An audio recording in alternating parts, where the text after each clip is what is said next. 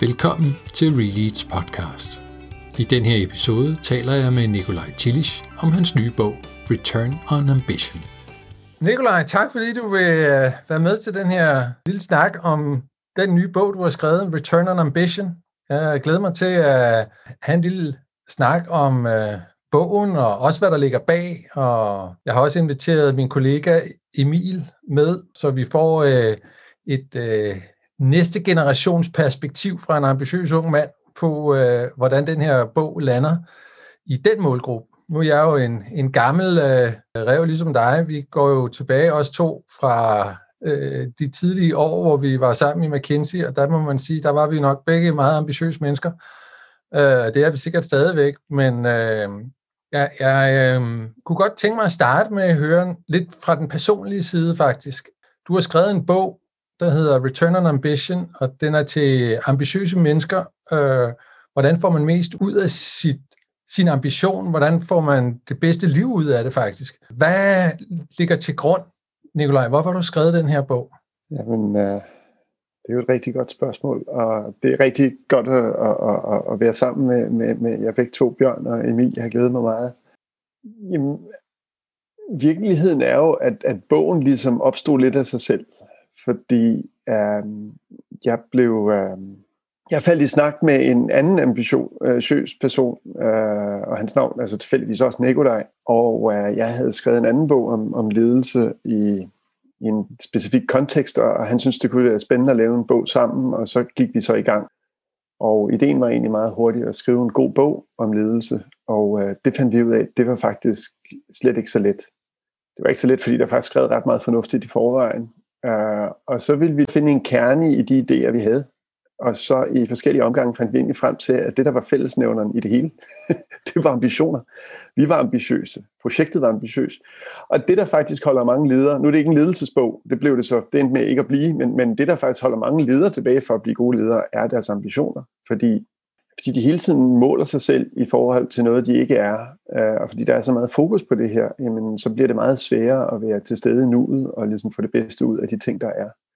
Og så lige pludselig så blev det altså til Return on Ambition, og en helt anden bog, end vi havde regnet med. Spændende. Spændende. Så I satte jer for at skrive en ledelsesbog, og så, øh, så blev det til noget andet.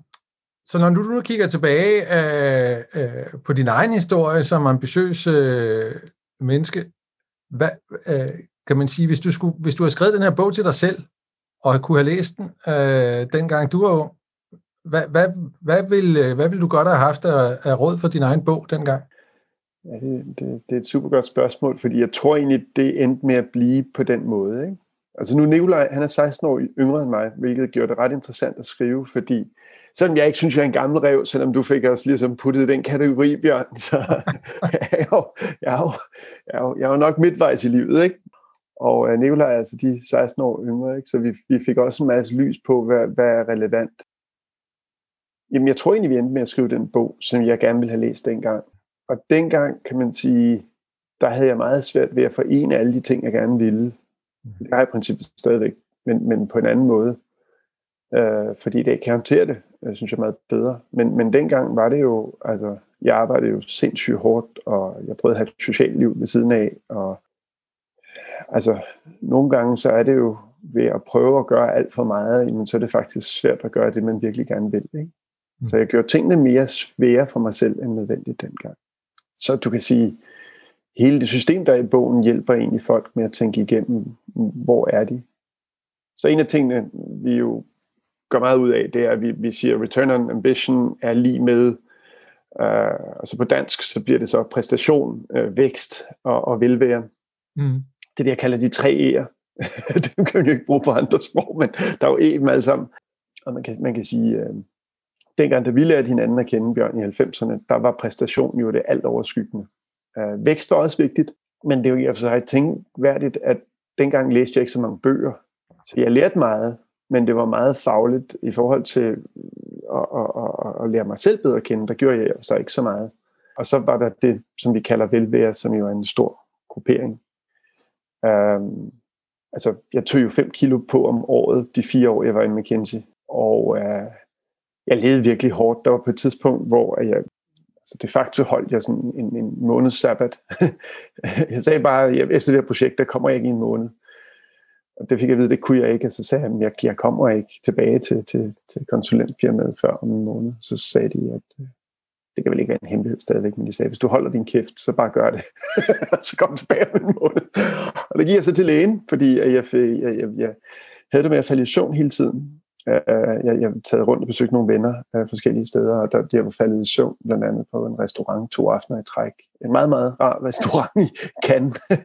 og jeg fortalte lægen det, fordi min, min ven, jeg havde været med, havde bedt mig om at gå til lægen. Og mm. der lægen sagde, hvordan lever du dit liv? Så sad han bare og grinede, så sagde han, hvad havde du regnet med, mand? altså, du sover jo ikke. Altså, han fortalte mig, at, at jeg var så langt bagud med søvn på det tidspunkt, så jeg skulle forvente, at hvis jeg sov normalt, så ville det tage mig omkring en måned, og ligesom ikke falde i søvn mærkelige steder, hvis jeg fik to glas vin, fordi uh, jeg, min krop var simpelthen så udmattet. Ja. Så det var ikke et burn, burnout, som man kalder det, eller burn down. Ja, men, men det var, jeg, altså, der var slet ikke, der var slet ikke ligevægt i det, vel? Nej. Lad os tale lidt om de der tre E'er, som du kalder dem, eller, eller de tre... Øh hvad skal man sige, øh, kategorier, I har valgt ud som, som, øh, som dem, man skal holde øje med øh, i forhold til, om man får udbytte af sin ambition. Så du har præstation, det er jo nok, øh, kan man sige, den man umiddelbart tænker på med sine ambitioner, at opnå øh, sine mål osv. Men så er der de to andre. Kan du ikke sige lidt om, hvor kommer de fra? Fordi der er jo også noget forskning, der ligger bagud, når det er jo ikke bare noget, I har fundet på det her. Ja, der, der, der er en hel del forskning, øh, og det vi også selv gjorde, det var, at vi lavede, øh, vi lavede ligesom sådan en spørge, spørgeundersøgelse, øh, hvor vi på grund af vores ret store personlige netværk, vi begge to sådan ret udvendte personer, så, så vi fik fat i altså, et par hundrede mennesker. Og øh, det vi havde gjort, det var, at vi havde valgt folk, vi, vi øh, betragtede som værende ambitiøse, og vi øh, kunne så stille dem en række spørgsmål, og vi lavede så også dybere interview. Vi havde rigtig mange samtaler om det her med rigtig mange mennesker, som vidste, hvad vi lavede, eller som vi fortalte, hvad vi lavede. Og så havde vi så også de her dybere interview. Og det vi egentlig fandt frem til, og det, det passer meget godt med forskningen, det er, at de her tre størrelser, de hænger faktisk sammen meget mere, end, end de fleste mennesker er klar over. Øhm, og det er meget sjovt, fordi meget forskning er lavet mellem to af dem, ikke mellem alle tre på én gang.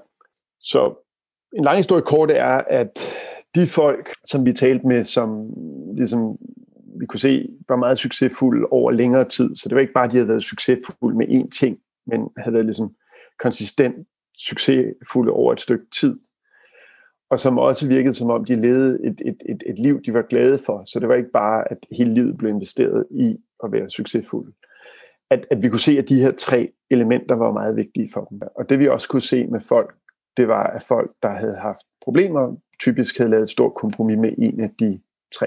Ja. Så hvis vi tager den historie, jeg lige fortalte om mig selv før, der var det velværen, der, der blev kompromitteret.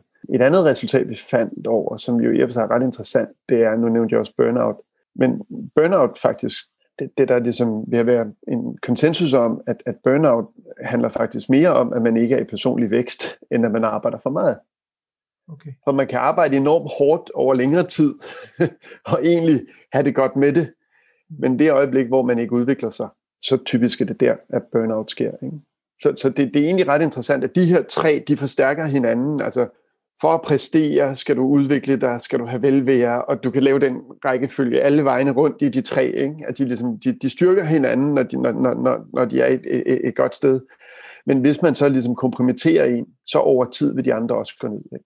For ambitiøse mennesker, så det for eksempel ikke at præstere over et stykke tid, kan også skabe en masse restløshed og frustrationer og de pludselig problemer med selvværdet. Ikke? Så det, det er dem alle tre, at hvis man, man kompromitterer en af dem længere tid, jamen, okay. så går det ud over de to andre. Så det er den trebenede stol her, vi er ude i. Ja, det, det er jo et af de billeder, øhm, nu er det ikke os, der kommer med det billede heller, vel? Men, men det er jo altså, hvis du fjerner et, et af benene, så, så falder du på røven. Ja, Prøv lige at pakke øh, velvære-begrebet ud, fordi det, er jo, øh, det, det indeholder jo flere ting. Det er super multidimensionelt, ikke? fordi krop og sjæl og relationer, og der er jo også spiritualitet, øh, hvis, hvis, hvis man kigger efter det. Det er, det er jo noget, som det er meget sjovt, vi har sådan lidt, lidt mærkeligt forhold til i Danmark, men hvor jeg tror mange andre steder, at, at, at der er folk meget mere åbne over for, hvor vigtig den spirituelle dimension er i deres liv. Ikke? Ja. Hvad forstår du ved spirituel øh, dimension? Fordi det er jo netop i Danmark ikke noget, vi, vi er jo meget sekulært land, og ja. godt nok siger vi, at vi er kulturkristne og så videre, men det, det fylder jo ikke øh, så meget for, for mange. Så hvad er det med, hvordan forstår du spiritualitet i den her sammenhæng? Øj, det er et stort spørgsmål, Bjørn. ja, ja jeg ved, du klarer det. ja, ja, men vi skrev ikke så meget om det i bogen, og det er jo også fordi, vi henvender os til en målgruppe, som ikke nødvendigvis er så bevidste om det, men, men og så har vi jo allerede der så en, en forbindelse til det med, med, med vækst, og det med at se nogle af de her sider af sig selv. Altså, hvis jeg skal sige det på dansk, så vil jeg sige, at der har været nogle perioder i mit liv, hvor jeg var et sted, hvor jeg synes, der var en meget sund ånd. Uh, så hvis jeg tænker tilbage til, nu er vi helt tilbage i slut 80'erne, ikke? den dag jeg startede på Københavns Universitet, ikke? inde i studiestrædet, og var over i hovedbygningen, og der var tale med rektor, og der var en fantastisk ånd. Mm. Og øhm, det, er jo, det er jo noget, som jeg tror er vigtigt for os mennesker at forbinde os til noget, som er højere end os selv. Mm. Og det er meget let at glemme, ikke så meget kun i Danmark, øh, på grund af, at vi er relativt sekulære, og, og kirken ligesom faldet lidt ud øh, af de fleste menneskers liv. Men, men også i forhold til mange ambitiøse mennesker, at, at det, det er noget, man hurtigt kan glemme, fordi det kommer til at handle om en selv, og ikke i forhold til alle andre. Så, så den dimension, tror jeg, er meget, meget vigtig. Og det er jo også, det kan jeg jo se som coach, når jeg arbejder med folk. De fleste af mine klienter er super ambitiøse. Øh, jeg er måske sådan en magnet for den slags mennesker at, at, at inderst inde, så tror jeg, at vi alle sammen rigtig gerne, og ikke mindst ambitiøse mennesker, faktisk gør noget godt også for andre. Mm. Det føles godt at gøre noget godt for andre. Ja, så det, det, det giver noget, og øh, det hjælper jo også med at tage lidt af, af fokus væk fra jeget og, og den slagside, det kan give. Altså, det kan være, du kan sige lidt om det. Altså, hvad, hvad er problemet ved at være altså, lidt for optaget af sin egen præstation?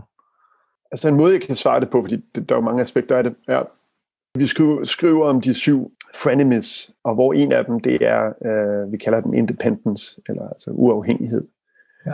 Og det er jo en, jeg ofte kan se i ambitiøse mennesker, at det handler meget om en selv. Og jeg tror, at skolesystemet er med i, i meget stor udstrækning. Også, altså det er blevet mere og mere normalt med alle de her mærkelige test, og så de her testresultater, og så bliver lærerne og skolerne og skolesystemet målt på, hvor er vi i forhold til andre lærere, andre skoler, andre skolesystemer. Og, og pludselig bliver de her mm, tal meget vigtige, og det handler jo meget om enkeltpersoners præstationer.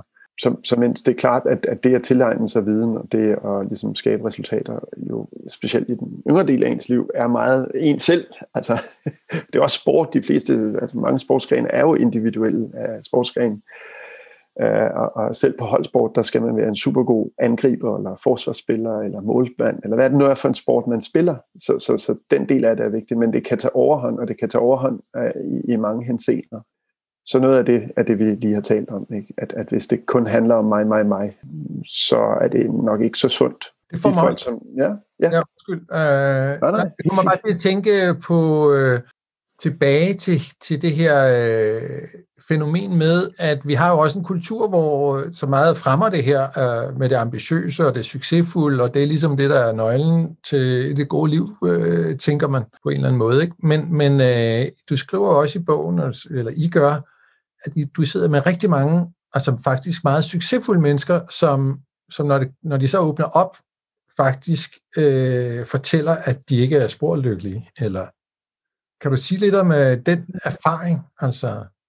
Ja, det, det kan jeg godt. Altså, jeg vil sige, når du siger det på den måde, så, så det er rigtigt, det har jeg jo gjort. Jeg har, jeg har siddet med mange, hvor de siger, at de er faktisk ulykkelige. Men, men jeg, jeg vil sige, for mange er, er, det, er det også et billede af, at og det er jo en af, af, af styrkerne ved at være ambitiøse. Ambitiøse mennesker ofte befinder sig lidt foran sig selv. Altså, jeg skal lige, så skal det nok blive godt. Og det vil sige, mange gange, så, så, så det samme kan, hører jeg, men, men jeg hører det ikke som om, jeg er ulykkelig, men det er ligesom, jeg, jeg kan ikke helt få det hele til at hænge sammen. Og øh, det, det har jeg jo en enorm respekt for. Og jeg vil sige, jeg har også haft nogle meget hårde nødder at, at knække øh, med nogle af mine klienter, øh, hvor at ligesom, når vi sidder og taler om det, som vi gør, så er det sådan ret oplagt, at hvis du kun tænker på dig selv og din succes, og du arbejder vanvittigt meget, jamen, så er du ikke et lykkeligt menneske. Altså, hvordan kan du være Altså, hvordan kan du indgå i en, en kærlighedsrelation? Hvordan kan du være forældre? Altså, hvordan kan du være en god kollega? Hvordan kan du være en god leder? Det er ret oplagt nok at se det fra siden, men, når du sidder med personen, og midt inde i det her, og har en person, som typisk er ret begavet, arbejder ekstraordinært hårdt, mange gange har en stor organisation til at hjælpe dem, så, så ser det altså anderledes ud. Og det var der, det her billede med de her frenemies blev vigtigt, ikke? fordi at hvor de godt kan tale om, at de kan være selvstændige, det er det en af, det er en af de her frenemies. En anden frenemy er, er det at være kompetitiv. Ja. Der er den, der vi kalder perseverance, eller udholdenhed, øh, udholdenhed, som jeg jo selv virkelig har skulle kæmpe med i mit liv dengang, da jeg, da jeg ligesom ja, holdt op med at sove i hvert fald relativt, ikke? og og det, det, det, problemet er, at alle de her ting er jo folks styrker, men det at hjælpe dem så til at se, hvordan at, at, at de her ting faktisk gør, at de presser sig selv ud et sted, hvor tingene ikke hænger sammen. Um, det er en hård nedknæk. Det er også en stor erkendelse. Ikke? Og det er jo noget, hvor at det er så en så dyb del af ens personlighed, så det er jo meget svært at sige, altså, øh, hvem, altså, det, er ikke unormalt at i de her konversationer nu, refererer du gør til at sige, at folk siger, at de ikke er glade. Det, det er ikke unormalt i de her øh, konversationer, at folk siger noget i retning af, jamen det er den, jeg er. Og det, det er ofte der, at, at, det, det, det er der, jeg kan se, okay, nu er vi tæt på øh, ligesom åbning. Det er, der, jeg, det, det, det er den, jeg er. Fordi jeg er jo den person, der klarer mig godt. Jeg er jo den person, der gør det bedre end andre. Jeg er jo den person, som folk ser op til, som folk beundrer. Og der, når du har dem der, kan man sige, så er det, du føler nu, okay, nu, nu er der noget, der er klar til at blive åbnet op, eller en nøgle. Ja, så har jeg så også lært mig som coach, folk skal nok være det sted rigtig mange gange. Ja. Før de begynder at være komfortable med at håndtere det på egen hånd. Ikke? Ja. Fordi der er de her store indsigter, ikke? Jo. hvor man siger, wow, som coach, det her det var et stort øjeblik. Men jeg kan også se med folk, at, at de skal mange gange derind rigtig mange gange for at vende sig til, at okay, der er et eller andet sted her, hvor at den, jeg er stolt af at være, kan ikke gøre det, som jeg gerne egentlig vil. Så jeg bliver nødt til at forholde mig anderledes til det her. Jeg tror, det sidste, du sagde der, det, det, er, jo, det er jo det, der er nøglen, og det øh, var lidt implicit i, i det, men det, det, det er jo hele frenemies-begrebet, tænker jeg, som er centralt her, ikke? At forstå. Jo. Kan du lige forklare det begreb, altså, eller den idé omkring uh, frenemies? Ja, altså, der skal jeg også være ærlig, altså, der er jo mange, der har lavet noget lignende, uh, og hvis vi går helt tilbage, så ikke for på nogen måde at sammenligne Nikolaj og mig med ham, men, men Aristoteles talte jo om, om uh, uh, dyder. Hmm. Han talte om det i en lidt anden kontekst.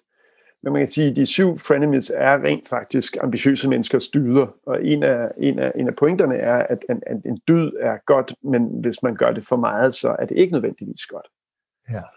En, som i nyere tid har arbejdet med det, er Hogan, som, som har gjort det ikke i forhold til ambitiøse mennesker, men i forhold til alle mennesker, hvor han har kigget på, på det, han kalder han kalder det derailers, hvilket jeg synes er lidt negativt. Ikke? Um, men, men, men han taler meget om, hvordan ens styrke kan blive ens svaghed altså, at netop største styrke og største svaghed er typisk hænger sammen.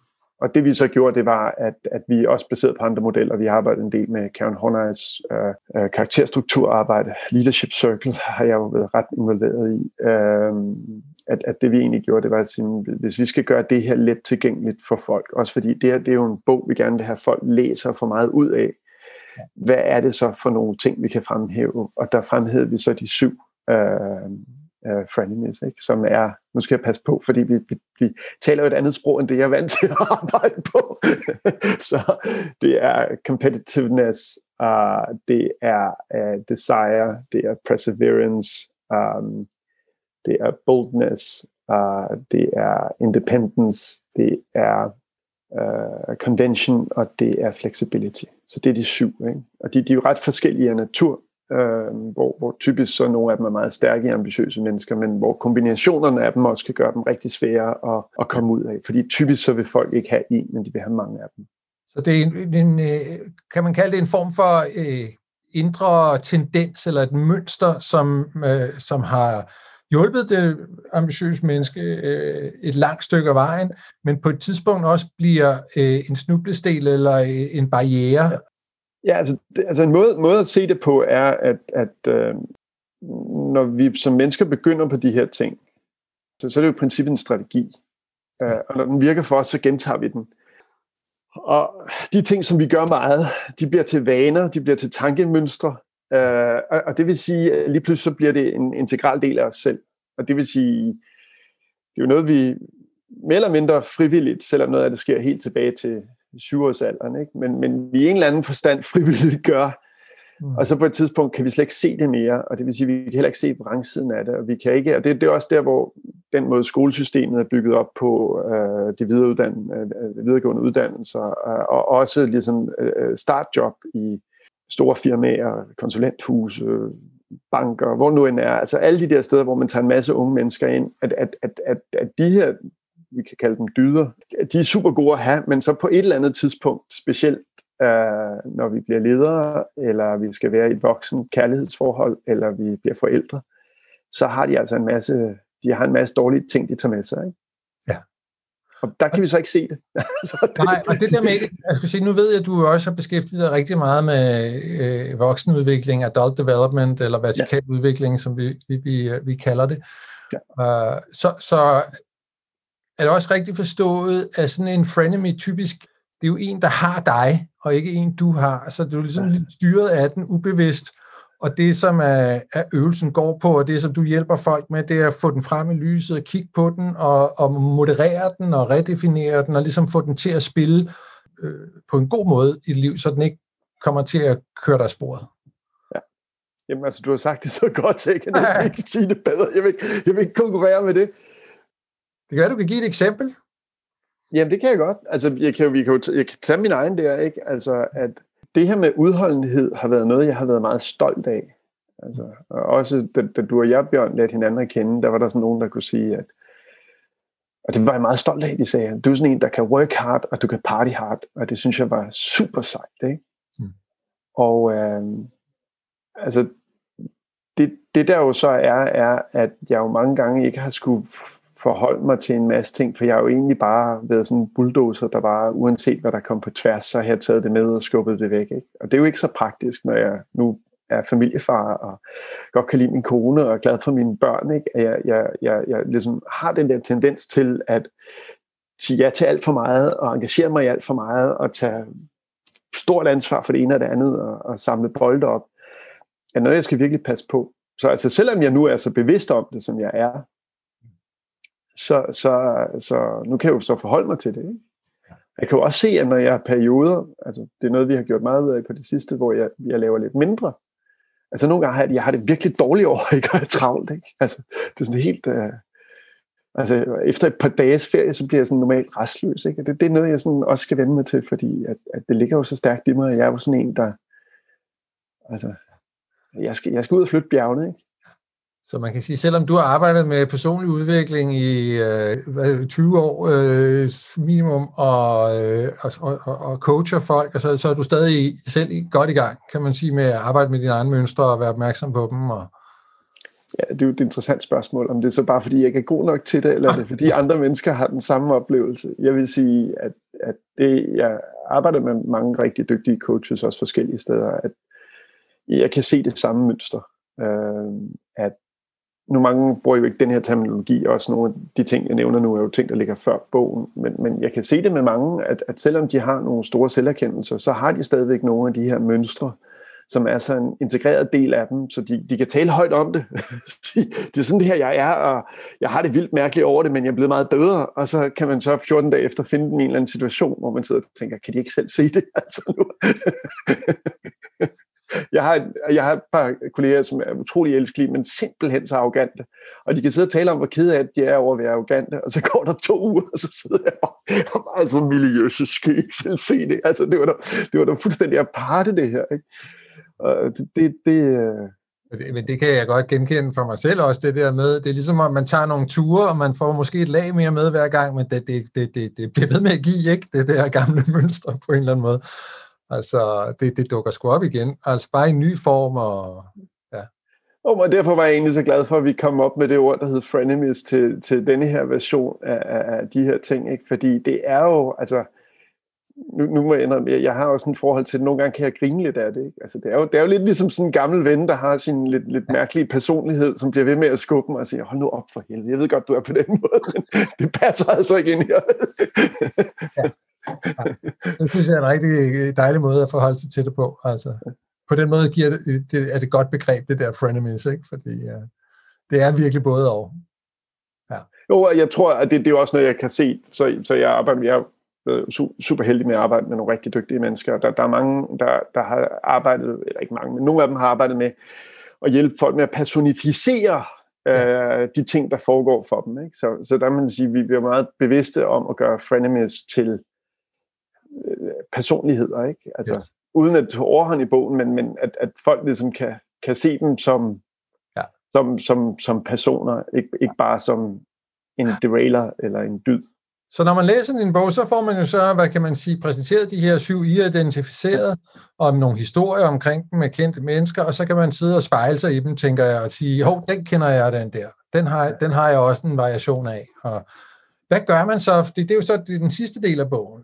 Det er jo så, hvordan arbejder man med det her? Altså, øh, man kan selvfølgelig øh, hyre en coach og så videre, men nu har du jo skrevet en bog, som rent faktisk øh, lægger op til, at man også kan arbejde med det selv. Ja, Øhm, så nu håber jeg ikke, vi ødelægger coachindustrien for meget ved at have givet nogle af de her træk i bogen. og vi har også valgt nogle ting, man kan sige, der er bogvenlige. Så, så man kan jo gøre det her på mange måder. Øhm, men det, det, vi kiggede meget på, det var det at sætte mål. Øh, det, det, er jo, altså, det er jo ret grundlæggende i coaching, hvis man kigger.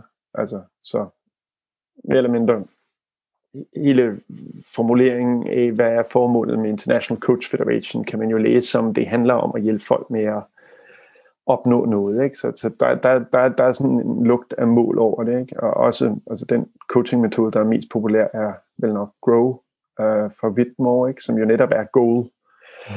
Og så reality, og så options, og så W, der er der mange versioner af den, men, men i hvert fald men, men det vi egentlig kiggede på, det er, at, at, at mange gange har folk et unuanceret forhold til mål. Uh, så det vi gør, det er egentlig, at vi kommer med tre forskellige niveauer af mål. Så det højeste niveau af mål, det er principper, som ikke er mål. Så, så, så hvis, man, hvis, hvis, hvis man kan kode det hele ned til et princip, jamen, så er det jo så er det et formål. Altså, så er vi der. Men for de fleste mennesker, der lever i en moderne verden, så er det svært at kode ned til en enkelt. Uh, og så det næste niveau, det er at sige, så skal du vælge én ting, og kun én ting, de næste 1 til tre måneder, i forhold til at forbedre de her ting, vi taler om i bogen. Fordi de fleste mennesker har vanvittigt mange mål, altså. Hmm. Altså. Vi skal nå den ene opgave og den anden opgave, og vi skal fylde selvangivelse ud inden den dag, og vi skal det, og vi skal det, og vi skal det. Så vi har masser af mål, men i forhold til netop at forbedre hele, hele den her øh, triade af, af præstation og, og, og, og, og vækst og velvære. Så, så tag en enkelt ting, og så gør det relativt kortsigtet. Det er ikke sådan noget med at sige i år, nej, et til tre måneder. Okay. Uh, og så det, det, det tredje niveau er egentlig at sige til uh, sige, at, at, at det er rigtig smart at sætte sig ned, øh, i hvert fald en gang om ugen, og så kigge ind i den kommende uge, og så finde nogle muligheder for ligesom at, at lave fremskridt med, med, øh, med, med den prioritet, man har inden for de her 1-3 måneder.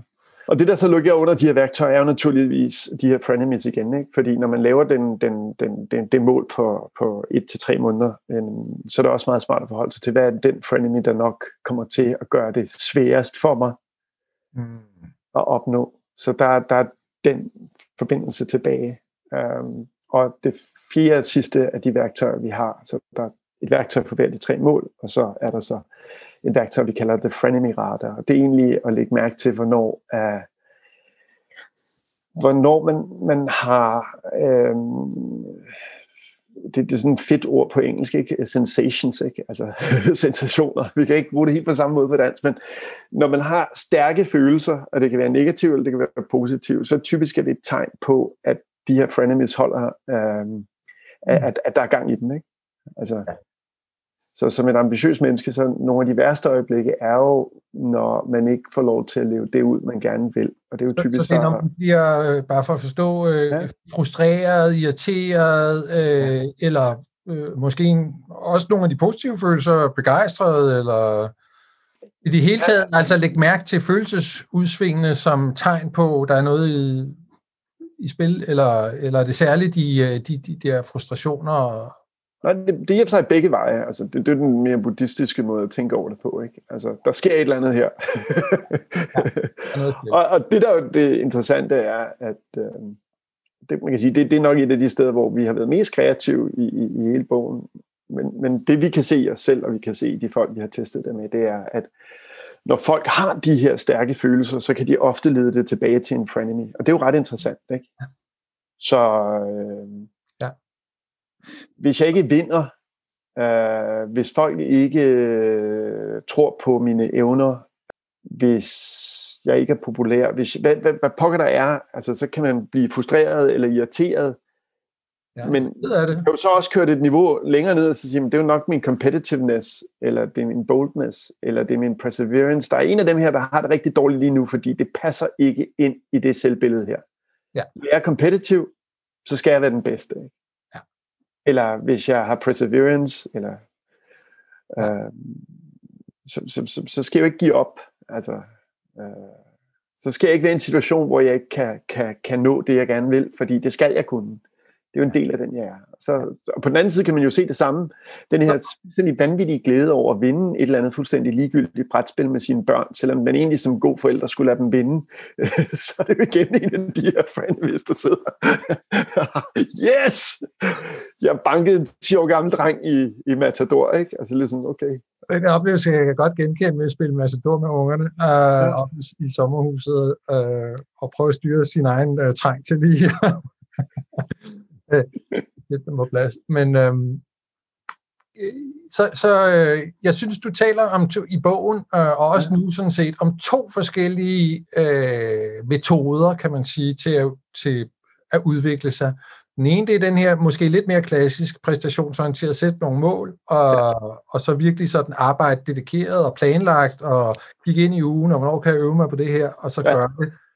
Så det er virkelig træne og learning by doing. Og den anden, du taler om, det er den her sidste med hele tiden at være opmærksom på følelseslivet, og hvornår dukker der noget op, så holde øje med det, og, og, og finde ud af, hvad det handler om. Prøv at sige lidt mere om den del. Hvad er det, den er godt for? Ja, og tak også for at anerkende det her med, at, at, at, at der er de her to princippet modsætning, men jeg tror, at de begge to er vigtige, og jeg synes, der er alt for mange, også coaches, der, der ligger vægten på den ene og glemmer den anden. Og, ja. og jeg kan se, der er mange sportscoaches, der lægger for meget vægt på mål. Der er for mange hvad man sige, livscoaches, der lægger for meget vægt på, på, på, på, på, på, på følelserne. Det er den balance. Mm. Jo, altså noget af det her, vi taler om, er jo, at følelser er jo, er jo og nu, nu skal jeg så også passe på her, fordi følelser er jo den måde, vi opfatter verden på, så de har jo deres legitimitet i sig selv. Altså, det, det er jo vores måde at opfatte verden på. Um, men vi kan også bruge dem instrumentelt, og det er det, vi gøre. Og det, det, kan, det kan jo godt lyde lidt kedeligt, at, at nu... Altså, jeg er jo meget følelsernes vold i det her postmodernistiske samfund, ikke? men, men vi kan også bruge dem instrumentelt. Og, og, og det, der jo mange gange sker med stærke følelser, det er, jo, det er jo en refleksion af et eller andet, der sker i os ubevidst. Mm.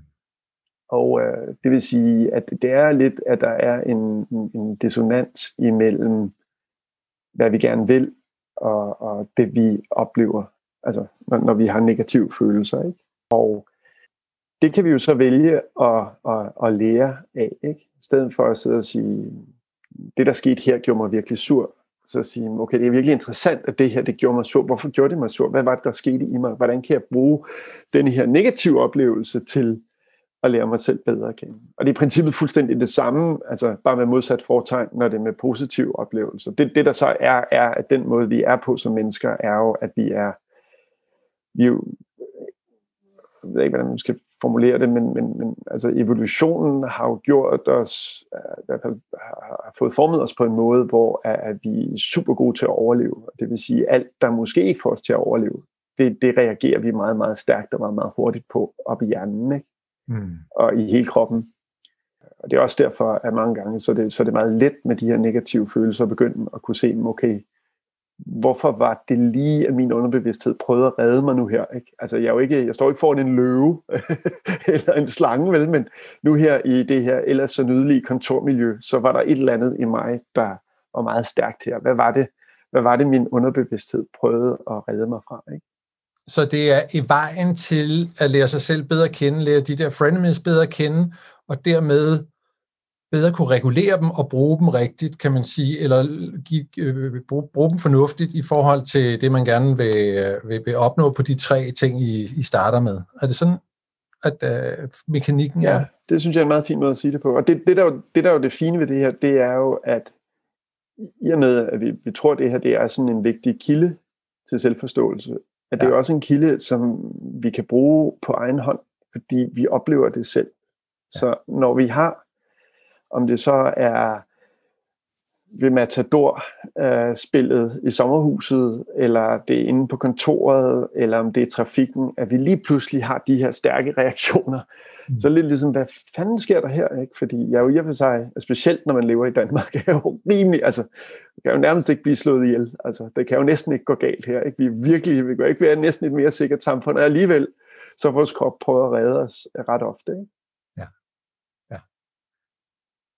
Jeg, jeg sad og lige og mærkede efter det der med øh, de der positive følelser, øh, hvad er der nu galt med dem, agtigt. Øh, og det, det er der jo heller ikke, som du siger, men det er jo også måder at, at kende vores frenemies på, og jeg kom, kom sådan ligesom i, i, i tanker om det der med, sådan noget med at være kompetent, øh, har, har altid været sådan en kæmpe drivkraft for mig, og ligesom når jeg føler, at jeg er kompetent, så kan jeg bare mærke den der øh, glæde og sådan følelse af, ja, god følelse, stolthed, glæde, sådan noget der. Og øh, jeg ved jo også, det kommer i vejen for mig nogle gange, fordi altså, øh, hvis jeg sidder og øh, skulle jeg have coach, eller hvis jeg øh, noget andet, øh, hvis jeg bliver fokuseret på, at jeg skal være kompetent, og det handler om, at jeg skal være dygtig, så øh, får jeg jo slet ikke øje på øh, det, der egentlig handler om, nemlig den anden, der sidder over for mig, og som jeg skal interessere mig for osv. Ikke? Så, så jeg kan godt genkende an, øh, den kvalitet af følelsen, hvor, den, hvor jeg kan mærke, at det her det er en gammel følelse, som, som, var, som føles godt på nogen måde, men den har også en, sådan en mislyd i sig. Så, så, så, jeg, så det var bare min egen refleksion over, ja, de der øh, positive følelser kan faktisk også have en mislyd, fordi de, de, de, de handler om noget, der ikke lige er faktisk godt øh, i den situation, man sidder i. Super godt billede på det. Altså, det at være bevidst om det selv, og så kunne tage det der projektorlys, der lige var på en selv og ens kompetencer. Nå, kæft, fanden hvor jeg god, ikke? Så ja. ups, bare lige, lige, lige, lige skub lyset over på den person, der sidder overfor, fordi det er egentlig den person, der er interessant. Det er sådan set fuldstændig ligegyldigt, om hvor dygtig jeg er lige nu, fordi Fuldstændig. Jeg behøver ikke at være vanvittigt dygtig for nødvendigvis at stille et spørgsmål, som er super hjælpsomt. Altså. Super øh, spændende øh, snak, øh, Nicolai. Jeg, jeg kunne godt tænke mig at invitere e- Emil ind på det her tidspunkt. Um, Emil, min, min gode kollega, som hjælper i, til i Relead. Uh, så Emil, um, du har siddet og lyttet med til vores, vores snak, og du har læst bogen. Uh, er du selv et ambitiøst menneske? Ja, øh, nu vil jeg hellere lige starte med lige at fortælle, hvem jeg er først og fremmest. Øh, jeg har været ved Relead i øh, snart et halvt år, hvor jeg har arbejdet med kommunikation og, øh, og hjemmesiden i høj grad, og så en masse content. Og jeg er 25 og læser på en kandidat i europæiske studier. ja. Og så til om jeg er et ambitiøst menneske, ja, ja det synes jeg, det er. men jeg tror på en måde også, at jeg har fået et lidt mere nuanceret billede af, Øh, hvad, hvad, kan, hvad vil det sige, og hvad, hvad kan det være at være et ambitiøst menneske? Fordi når, når man tænker tilbage på sin opvækst og generelle sådan, dogmer til unge mennesker, så er ambition noget, der skal makses ud. Altså du skal være, du skal, du skal være mødefast, du skal være ambitiøs, altså den kommer ret hurtigt. Øh, så, så det her med, er jeg et ambitiøst menneske? Ja, ja det er jeg. Men, øh, men jeg synes også, der er noget spændende i at, i at kigge ind i. Øh, er det altid en god ting? Og øh, på hvilken måde er jeg ambitiøs i forhold til, hvad for en måde du for eksempel er ambitiøs på. Ja. Så Emil, øh, da du ligesom øh, læste den her bog, hvad, øh, hvad, hvad, hvad slog dig? Hvad, hvad lagde du mest mærke til? Hvad gjorde indtryk på dig? Jamen, øh, hvis jeg skal starte øh, diakron med det allerførste, øh, jeg tænkte omkring den her bog, Nikolaj, det var, at I har valgt cases om ambitiøse personer, men også personer, som man kender. Altså man kender simpelthen til næsten alle sammen. Øhm, og noget af, noget af det, der var striking ved det, det var så, at de var så forskellige. Der var forretningsfolk, og der er sportsudøvere, og der er kunstnere, og alle mulige forskellige øh, typer mennesker. Så jeg tænker, hvordan gik I til det at vælge, hvilke ambitiøse karakterer I ville hive ind i bogen? Det er et super spørgsmål. Uh, altså, et af de valg, vi gjorde, og det var vi meget bevidste om, det var, at vi ville vælge folk, der stadigvæk var i gang med, med livet. Fordi det, der jo mange gange sker, er, at interviews og bøger handler om de mennesker, som ligesom er så langt i livet, så nu er de succesfulde, men nu er de ikke ligesom, de, de, det, det er jo ikke, de står ikke op om morgenen mere på samme måde af, af, af sult for at komme ud og få, få gjort nogle ting. Ikke? Så vi har fået kandidateret Richard Branson og altså Steve Jobs og en hel masse andre, som var på vej ind i bogen, og ligesom, altså, de er jo så også kendte, ikke? men vi vil gerne have nogen, der var et sted mellem 25 og 50 år. Der er nogle få undtagelser. Uh, Adrian Huffington er med, fordi der er en super god historie med hende og Elon Musk. Han er jo også lige på grænsen der uh, i vores aldersspand.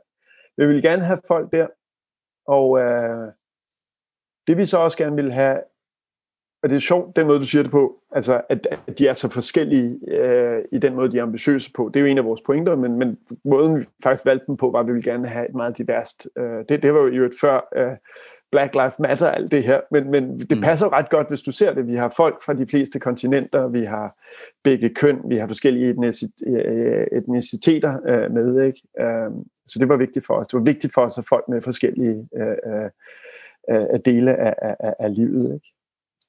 Så vi tror, de fleste, der læser vores bog, det, det er sådan mere normale karrieremennesker, men man vil gerne ligesom male med den meget brede pensel og, og, og vise, hvordan det ser ud. Ikke? Jeg synes i hvert fald, det var, det var super fedt, også fordi at det, det, at der er forskellige historier og forskellige, øh, de har forskellige ambitioner, de her karakterer, det gør også, at man kan spejle sig selv på flere måder i den. Altså, øh, der er forretningslivet, øh, nej, det er noget materielt og monetært, og, men så er der også øh, det kunstneriske i det, altså man, man, kan, man kan sidde og, og gruble over nogle forskellige øh, aspekter af ens egne øh, ambitioner og interesser. Så jeg synes bare, det fungerede super godt. det er godt at høre. Og det er jo også Meget. vigtigt, fordi jeg tror, jeg tror, at det mange mennesker gør, det er, at de sammenligner sig nu kan jeg se det med mine egne børn. Altså min, min, søn, han bliver helt sikkert, at han er allerede meget ambitiøs. Ikke? Han er 10 år gammel. Ikke? Han vil gerne være verdens rigeste mand, og han vil være, gerne være verdens bedste kok, og han vil gerne være verdens bedste ven. Jeg har jo sagt til ham, at, at hvis det her lykkes, så vil jeg pensionere mig meget tidligt. ja. men, men pointen er jo netop på grund af alle de her drømme, og jeg tror ikke, han er så unormal i, i, i, i hans ene, at, at det gør jo også, at det er meget svært at liv, for han kan jo aldrig nogensinde udleve alle de her drømme. Han bliver nødt til på et tidspunkt at vælge lidt. Ikke? Ja, super. Så øh, mit andet spørgsmål, det er, det skrev jeg, da jeg læste om desire frenemy. Ja. øhm, ja. Og øh, det, det er et langt spørgsmål, så, men det går på, at når man altid har ambitioner om at opnå noget nyt og noget større, så kan man selvfølgelig nå langt i sin karriere og i livet i det hele taget. Øhm, men hagen kan jo så være, øh, at når man altid ændrer sine mål, at man aldrig føler sig fulfilled. Ja. Og I skriver om øh, den her Saudi-Arabier, Al-Qudayr hedder han, ja. øh, som i en ung alder rejste til London og øh, blev millionær. Øh, rigtig flot i sig selv. Øh, men da han så var nået det mål, øh, så besluttede han sig for at tage tilbage til Saudi-Arabien, og han arbejdede med nogle fors- forskellige ting, øh, blandt andet kvindebeskæftigelse. Men I skriver så, at han ender med at sige, It got to a point where I realized that constant striving wasn't healthy. Nothing was ever enough. Så mit spørgsmål er, i forhold til det, hvordan kan ambitiøse mennesker undgå at opbygge et mindset, ligesom ham her al hvor man aldrig føler sig fulfilled i, øh, i momentet? Det er et super stort spørgsmål, ikke? Altså, det, det, er vel, det er vel på en eller anden måde mere centralt, end jeg har tænkt over øh, før men det er jo lidt tilbage, tror jeg, til det, vi taler om for et øjeblik siden, at, at det øjeblik, at du bliver bevidst om det, så kan du også forholde dig til det. Hvis vi må give en personlig historie om det. Uh, så ja, jeg er med i, i uh, et, et globalt netværk, der hedder Growth Edge Network, eller GEN. Og vi havde så sidste gang vi havde der globale samlinger hver 18, 18. måned. Sidste gang vi havde det fysisk, det var i, det var i september 2019 i USA.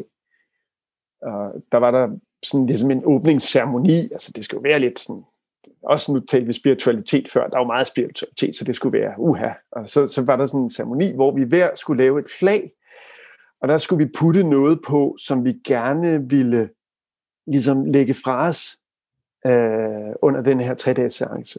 Og så var så ideen af slutceremonien var, at vi skulle gå ud og kigge på fladet, så se om vi havde været i stand til at lægge det fra os. Og der, der er jo nogle af dem, som var med, som har haft nogle traumatiske oplevelser, eller har nogle økonomiske problemer, eller ægteskabelige problemer. Ikke? Og det, det, det blev så puttet på deres flag. Og øh, det, det jeg gjorde, det var, at det jeg puttede på det her flag, uden at gå i, i detaljer omkring, hvordan jeg eksakt gjorde det, øh, men det var, mit, mit flag repræsenterede alt det, jeg ikke havde eller havde opnået. Og det var bare meget sjovt et eller andet sted, ikke?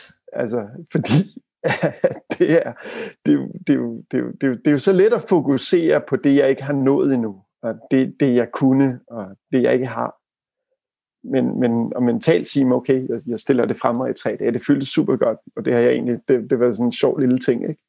Så jeg ved ikke, om det hjælper andre, men, men, men det er jo det er vigtigt at forholde sig til, ikke? at, at øh, nogle gange, når den der restløshed, den kender jeg jo selv, sætter ind, så i stedet for egentlig at være sammen med de mennesker, som, som jeg, jeg, jeg, jeg er tættest på, og som, betyder, som de betyder mest for mig, så, så, ligesom, så er det den der restløshed, men det er jo lidt ligesom, mit, mit ego skal fodres, altså skal jeg, ikke, skal jeg ikke skrive en ny bog, eller skal jeg ikke ud og arbejde med en eller anden super interessant klient, altså kan jeg bare sidde her? Øh, det, er jo, det er jo ikke sundt, altså. Men, men når jeg kan se det selv, så er det lettere. Ikke? Svarer det ja. på dit spørgsmål, Emil? Ja, det synes jeg, det synes jeg bestemt, du gør. Men det er jo også et svært spørgsmål, og jeg tror, det er noget, vi alle sammen, der er mange ambitiøse mennesker i hvert fald, kæmper med det her. Når man skal lægge sig til at sove, og man har, man har fandme arbejdet 6 timer på studiet, og 6 timer her, og ja. løbet en tur. Og så alligevel, så kan man kun tænke på, er det nu god nok, den her opgave, eller er det, det er aldrig, ja. det er aldrig skulderklappet til sig selv.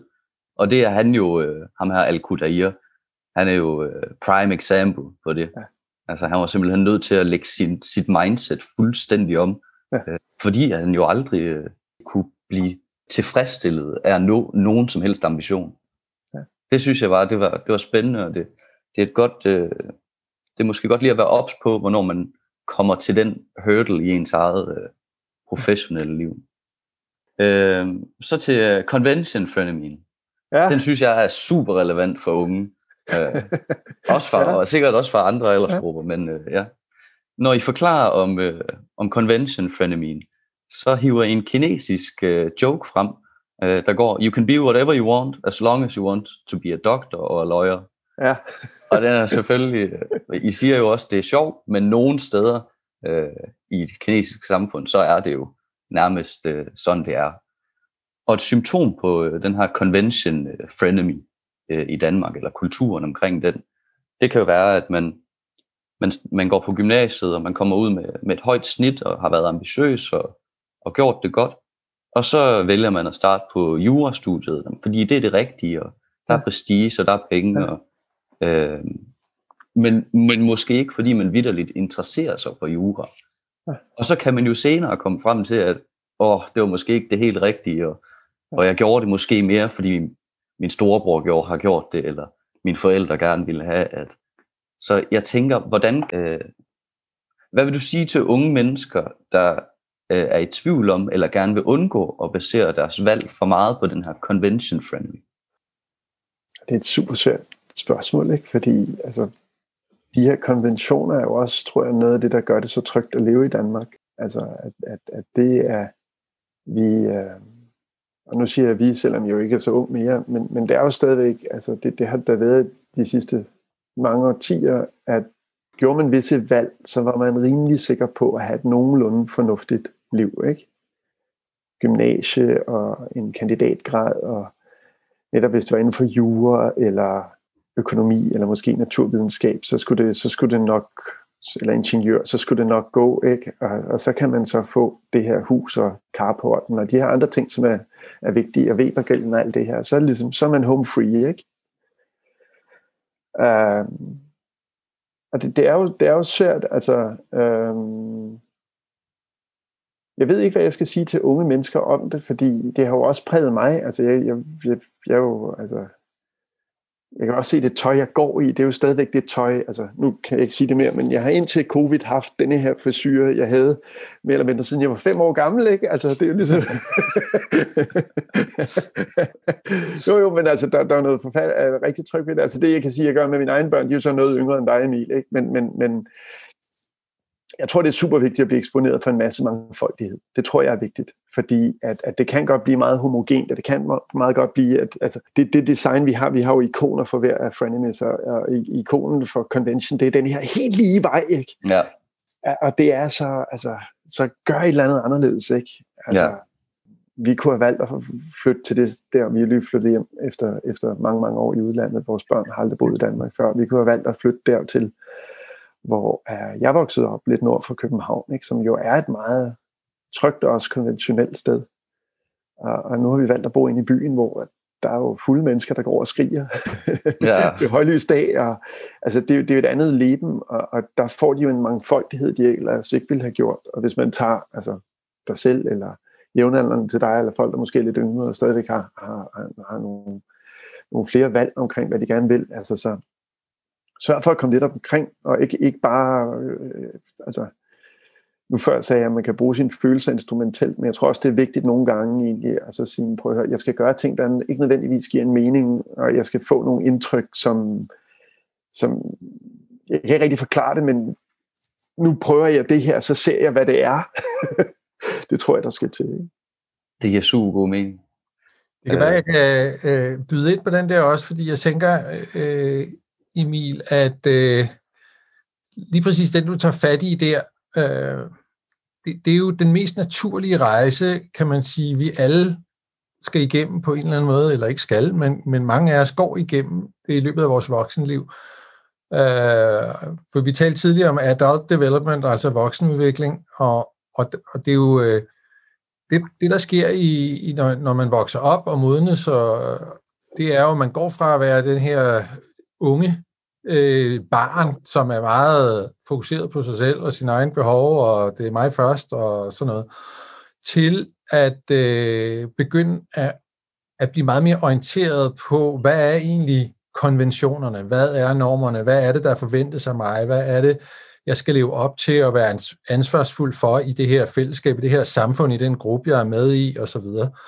Øh, og det er jo det rigtig godt, det er jo et nødvendigt sted at øh, være og gå igennem som menneske i sin udvikling. Øh, og øh, så, så, så det er helt øh, det, det er godt, og det er naturligt, og der er ingen vej udenom, kan man sige. Men det, som øh, Nikolaj jo så peger på, og det, som rigtig meget lederudvikling faktisk handler om, det er jo så øh, at begynde at, at øh, også udfordre øh, de her konventioner, øh, og også den måde, man har indoptaget dem i sin opvækst, altså den måde, man er blevet præget på af skole og kultur og samfund og sine forældre, og begynde at kigge på dem og sige, er det okay, der er noget af det, der er rigtig godt, det vil jeg blive ved med at have, der er noget af det faktisk, jeg har lyst til at kaste ud, og, og så det der med, at hvis man har sådan en praksis, som Nikolaj lægger op til med at øh, holde øje med sine øh, følelsesudsving og reflektere over, hvad er det egentlig, der gør mig glad, og hvornår er det, jeg bliver frustreret, og hvornår kan jeg mærke mig selv, og så videre, så er der en vej der, hvor man så hen over livet, og det tager mange år, og så begynder mere og mere at gøre sig, øh, at få en form for frihed til konventionerne, så du kan ligesom mere frit vælge, hvilke af dem giver mening, hvilken mm. vil følge, og hvor der er jeg bare anderledes, der vil jeg noget andet, eller det, det giver mere mening for mig. Så det er sådan en helt modningsproces, tænker jeg, som den der egentlig peger på. Hvad siger du, Nikolaj? Ja, men det er, altså, det er også, altså hvis du kigger på en af de rigtig store tænkere i Danmark, og også internationalt, af, er, af Lena Rakel Andersen, ikke? Der, der taler om adult development i en kontekst af, hvordan vi kan bruge det som samfund til at udvikle os. Og der er en af tingene er jo, at, at, at netop det der med, at der er konventioner, er super vigtigt, fordi hvis vi ikke har dem, så er det så svært at blive os selv, fordi vi skal ligesom være os, før vi kan blive os selv. Ikke? Og, og jeg vil også sige, altså nu, nu taler vi lidt om, om coaching, altså jeg, jeg har øh, med, med en del klienter og folk, jeg har arbejdet med, jeg har også trænet coaches, har, har folk, som slet ikke vil følge konventionerne. Altså, det er ligesom, de har, de har nærmest defineret sig ved, at de vil omvende det. Mm. Og øh, det, det er jo derfor, det er en frenemy. Altså, den er ikke kun dårlig, den, den kan være enormt god, øh, ja. men så er det det der med at kunne se den, ikke? Og det er klart, at der er unge mennesker, der vælger, altså tager nogle kæmpe store valg. Altså, og, og det er jo specielt i Danmark, hvor at, at uddannelserne er så, så erhvervsfokuseret. Altså det er jo også det er jo, det er jo usædvanligt, hvis man kigger på i England, så kan du godt læse kunst i din bachelor, og så tager du finans i, i din master, og så, så bliver du, bliver du finansperson. Ikke? Men hvis du først er kommet, altså hvis du først er kommet på humaniora i Danmark, ikke?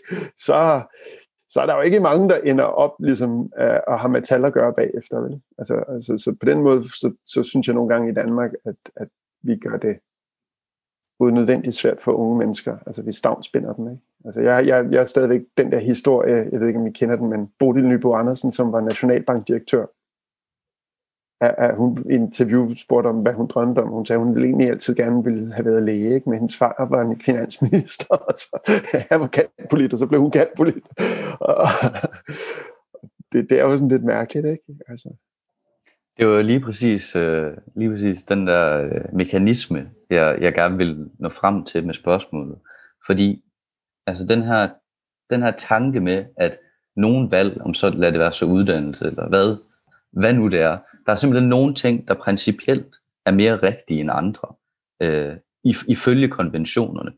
Men, men hvis man blindt vælger efter konventionerne, så kommer man jo til at lave den fejl, at man ikke kigger, når man, hvad er det så, det be, hvad er principielt det bedste ifølge mig? Fordi man kommer til at spørge konventionerne udelukkende.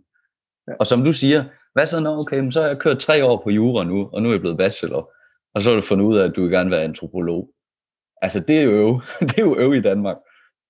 Jo, altså, det er jo sjovt, det er øv, fordi er det virkelig det? Altså, det er klart, at så kan du bruge noget af din SU, og så kan du ikke vælge op, men et eller andet sted, så, så er det jo en ny konvention, at man skal blive færdig på fem år. Altså, mm. Det skulle man jo ikke for 30, 40, 50 år siden, der, der skulle det jo helst gerne tage en 5-10 år, og det var helt normalt at være evighedsstuderende. Ikke? Men nu er konventionen, den har ændret sig. ikke. Så et eller andet sted, altså, hvorfor så ikke? Ikke fordi Emil, du skal, du skal gå ud og, og melde dig ud af uddannelsen nu, men et eller andet sted, hvis, altså, øh, men det, det er jo også ret fascinerende, ikke? fordi det kan man ikke, men kan man virkelig ikke? Altså, hvorfor ikke? Ja, ja, ja okay. Øh, god svar. Øh, God spørgsmål. Jamen, det er jeg glad for, du synes. Det er jeg glad for, du synes. Øh, ja. Har du flere på listen? Jamen, jamen, det har jeg, det har jeg, det har jeg. Øh, Bogen afsluttes med en værktøjskasse, hvor man kan arbejde med sin egen øh, afkast på ambitionen. Ja. Øh, og den hedder The Return on Ambition Toolbox. Meget passende. Ja. Hvis man nu ikke har læst øh, Return on Ambition, men man er blevet lidt interesseret af at høre den her podcast, øh, ja. hvilket tool i toolboxen kan man tage med sig og, og forstå hurtigt og, ja. øh, og anvende øh, på, øh, på, på lavpraktisk plan for, for at komme i gang med den her, ja. det her arbejde med Return on Ambition? Ja, altså jeg tror, når jeg har været ude og tale om bogen, som jo startede med at gøre, så øhm, det værktøj, jeg typisk fremhæver, er det, vi kalder øh, weekly deliberation. Og det er det her med at sætte sig ned øhm, i slutningen af en arbejdsuge, eller i starten af en ny arbejdsuge, og så ligesom kigge på ugen, der kommer, og så sige, hvor er der nogle muligheder her for og ligesom øh, assistens kan, det handler om det her, det, det lyder så sjovt på dansk, ikke? det ambitionsafkast. Mm, yeah. altså, hvor kan jeg gøre det hele bedre for mig selv ikke? Uh, over den næste uge? Uh, og det kan man jo godt gøre, uden at man har defineret principper for sig selv, og uden at man definerer det her et til tre måneder små. Uh, så det, det er en af dem, der er lige ved vejen. I princippet kan man også godt lave frenemy-rater. Det eneste er bare, jeg tror, at det er jo ikke tilfældigt, at vi dedikerer syv kapitler til at forklare de syv frenemies, fordi det er noget, hvor at det måske lyder meget tilgængeligt, men fordi det ligger så dybt i os, så er det nok godt lige at være lidt mere familiær med dem. Øh, det gør det også lidt at kunne genkende dem senere. Ikke? Mm. Super. Øhm, godt. Jeg oplever som en ung person, at øh, man kan have Øh, der er mange forskellige arenaer, man skal performe i hele tiden. Ja. Og det kan være studier, job og relationer, eller sport, ja. eller hvad man nu laver. Ja. Øh, men man jager altså flere ambitioner eller mål på samme tid. Ja. Og i kapitlet om uh, perseverance-fænomen forklarer I, at man skal være meget intentional omkring, hvordan man vælger at bruge tid på sine ambitioner. Ja. Og I skriver blandt andet, you can do anything, but not everything. Hvad kan man sige uh, til unge mennesker, som føler, at deres mange ambitioner uh, nogle gange kan modarbejde hinanden ja. med hensyn til tidsforbrug? Jo, det fænomen, du, du køber fat i her, tror jeg, er, altså, det, det, er jo, det er jo meget normalt i den moderne verden, at, at folk kæmper med det her. Øh, og også folk, som ikke nødvendigvis er så ambitiøse endda. At, at der er jo så vanvittigt mange muligheder. Og så, så er det meget let at så sige, at jeg skal have en bid af det hele. Og hvis man så er ambitiøs oven i det, så skal man ikke bare have en bid af det, men man skal have en rigtig god bid, og man skal se godt ud, når man gør det. Ikke? På den ene side er det jo pragtfuldt, at man kan gøre så mange ting, men jeg tror også, det er væsentligt, specielt som ambitiøs person, at prioritere lidt, og så sige, det her, det gør jeg, men jeg gør det altså, på en måde, hvor at det, jeg gør det, fordi nogle af de mennesker, jeg godt kan lide, gør det, men jeg behøver ikke lige at være den bedste her, vel? Altså, det er okay. Uh, ja, så nu, det lyder jo meget, altså det er jo i princippet, i princippet det, jeg siger, jo meget, altså, som man siger på engelsk, common sense, men, men det er ret svært, når det kommer til stykket, ikke? fordi der er så mange ting, ikke? Altså jeg voksede op med en tv-kanal i Danmark, ikke? Og så var der en avis. Altså der var jo mange, men, men afhængig af hvad man stemte på, så kunne hjemmet kun have en avis. Og så var det ligesom, det, det, det blev lidt lettere, og nu er det jo, altså, det er jo, det er jo, der er jo uendelig mange valg, og det er ikke sundt for os at vælge. Faktisk er noget af det sværeste som menneske, det er at vælge. Det tager utrolig meget energi. Og hvis man så kommer til, som de fleste gør, at vælge lidt for meget, og til med gerne vil være god i det, det, det bliver ikke godt. Det giver god mening. Det, i, da jeg sad og læste den bog her, øh, så, så tænkte jeg også på, I kunne lige så godt, ja, det ved jeg godt, det kunne I ikke lige så godt, men have kaldt den øh, return on self-reflection. Fordi det er jo det, der det er jo det, der jo, altså, men det er jo... der, der har du en super vigtig pointe. Undskyld, jeg afbryder. Nej, nej, nej, nej. Du har en super vigtig pointe, at det er, at hvis en person ligesom føler sig reddet med af alle de her ting, altså nu skal jeg spille badminton godt, og så skal jeg lave lækker mad, og så skal jeg være morsom, og så skal jeg klare mig godt på mit studie, og så skal jeg over og arbejde og lave det godt, og så skal jeg det ene og det andet, og ligesom føler sig revet med, så bliver det ikke godt. Men hvis personen så investerer lidt mere tid i at selvreflektere, og måske også bruge nogle strukturer, der giver lidt mening, men uden de nødvendigvis er særligt sofistikerede, jamen så, så, så, så giver det et ret godt afkast. Altså, du må, ikke, du må endelig ikke slå autopiloten på i den her verden med alle de her valgmuligheder, for så går det galt, ikke? Ja, ja det er jo det, og det, og det er jo det, der, der, der, der er det farlige ved det. I stedet for, som I skriver, at i sted, den her taking the 1% af ens vågne timer, og, og reflektere over ens ambitioner. Det er jo øh, problemet ved det. Det burde vi jo alle sammen gøre, men man ender jo med at se Netflix eller whatever i stedet for. Altså, fordi som du siger, der er så mange impulser og valg hele tiden, så, øh, så man, man, man kobler måske af øh, i stedet for at, at reflektere. Øh, det synes jeg, jeg, jeg synes, at den her bog, den, øh, den, den, den illustrerer meget godt, hvor, hvor, hvor, hvor lidt tid på selvreflektion man egentlig skal bruge på at forstå sig selv bedre og få det bedre med de valg, man så tager.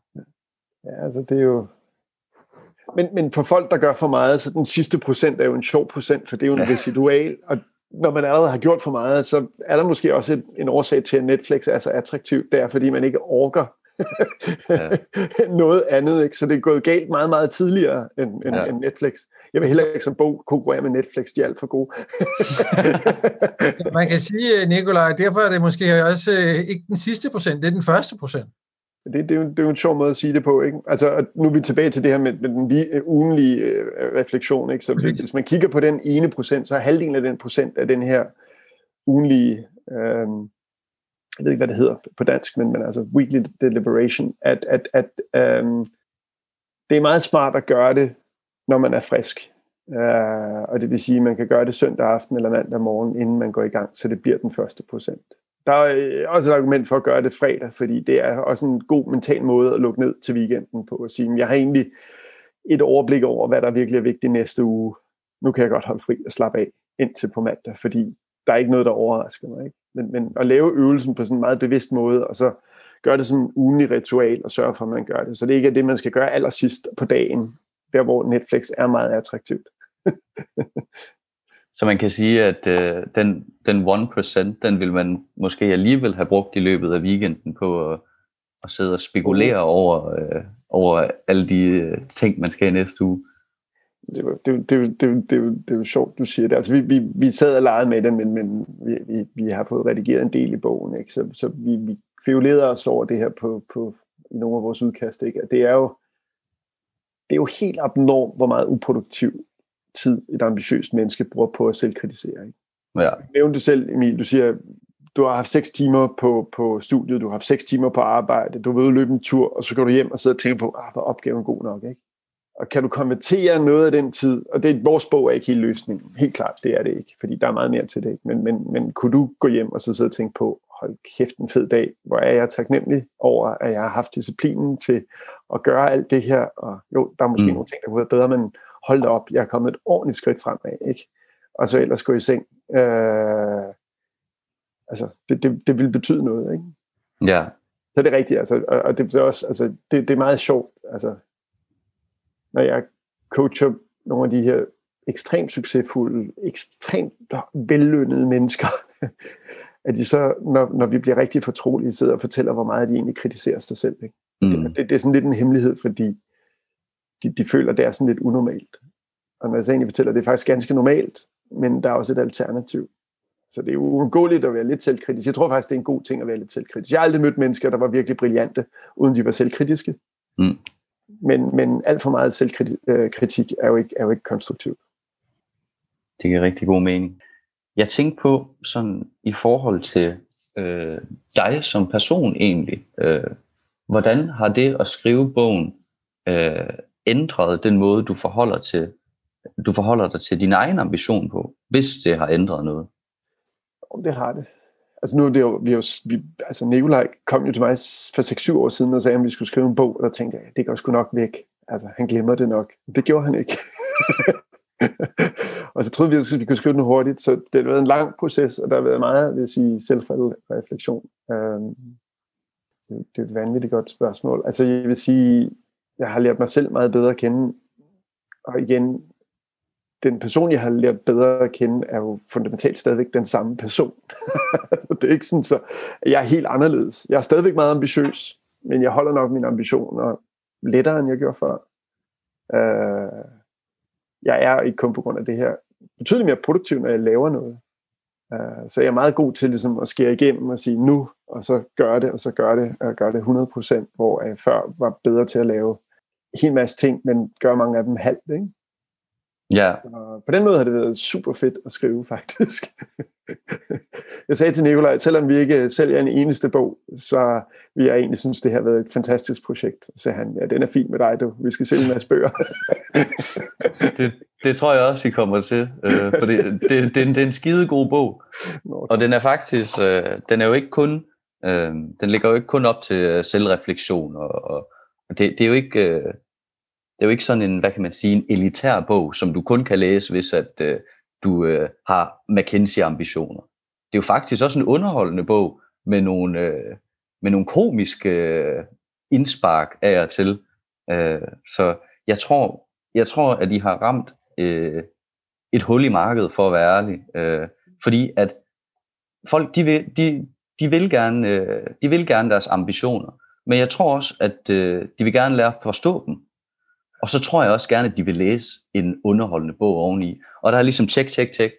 Så øh, man føler ikke, man sidder med en fagbog, og at man, åh, nu skal jeg suge alt det her viden til mig. Det er faktisk lidt en page-turner. Også fordi I okay. hiver de her, øh, de her, øh, de her personer, man, man godt kender, og, og man godt ved lidt om i forvejen. Og, altså, det er kæmpe anbefaling her fra øh, Releads kommunikationsteam. tusind, tusind tak, Emil. Det var, det var super dejligt at høre det der, Emil. Altså, jeg har i forvejen skrevet en rosende anmeldelse, men jeg tror faktisk, du kan, du kan godt drysse endnu flere superlativer ned, ned over. Så det, øh, det får du lov til lige om lidt. Okay, men det vil jeg glæde mig til, Bjørn. Ja. Um, er der mere, du sidder med på hjertemil, eller er det fint? Uh... Jeg tror faktisk, jeg har fået kørt alle mine spørgsmål af nu. Ja, super. Og hvad med dig, Nikolaj? Er du også øh, forløst med at have fået fortalt det, du gerne vil fortælle? Altså, jeg, jeg har virkelig nyt det her. Det, det er faktisk første gang, jeg gør det på dansk. Og det, det har været sådan meget... Øh, altså, hvor jeg har rodet lidt efter sproget en gang imellem. Ikke? Jeg er per dansk. Øh, men, men, men det, det har været øh, projekt på engelsk. Og det er også det er virkelig den behagelige måde, jeg har gjort det på. Ikke kun fordi jeg har været så rusende. også de amerikanske interviewer har været sådan, at jeg fik alle spørgsmål i forvejen, og jeg har fået sådan skrevet nogle korte svar, så jeg sidder der og prøvet at se ud, som om det kom naturligt og kort og amerikansk. Ikke? Og her har vi på, på, på altså, i Skandinavien har vi jo mere en samtalekultur, så jeg er faktisk virkelig nyt også at få nogle spørgsmål, hvor jeg ikke lige var helt sikker på svaret, da I spurgte. det har været rigtig dejligt. Super godt. Men det har også, øh, jeg, jeg har nyt det, øh, så tusind tak, fordi at øh, du vil dele ud af, af din, øh, din viden og din erfaring og din indsigt på det her område. Og så, øh, så håber jeg, at den her bog får et godt liv derude, og at øh, folk kan bruge den. Tusind, tusind tak til jer begge to. Tak, Bjørn. Tak. Tak. tak. tak.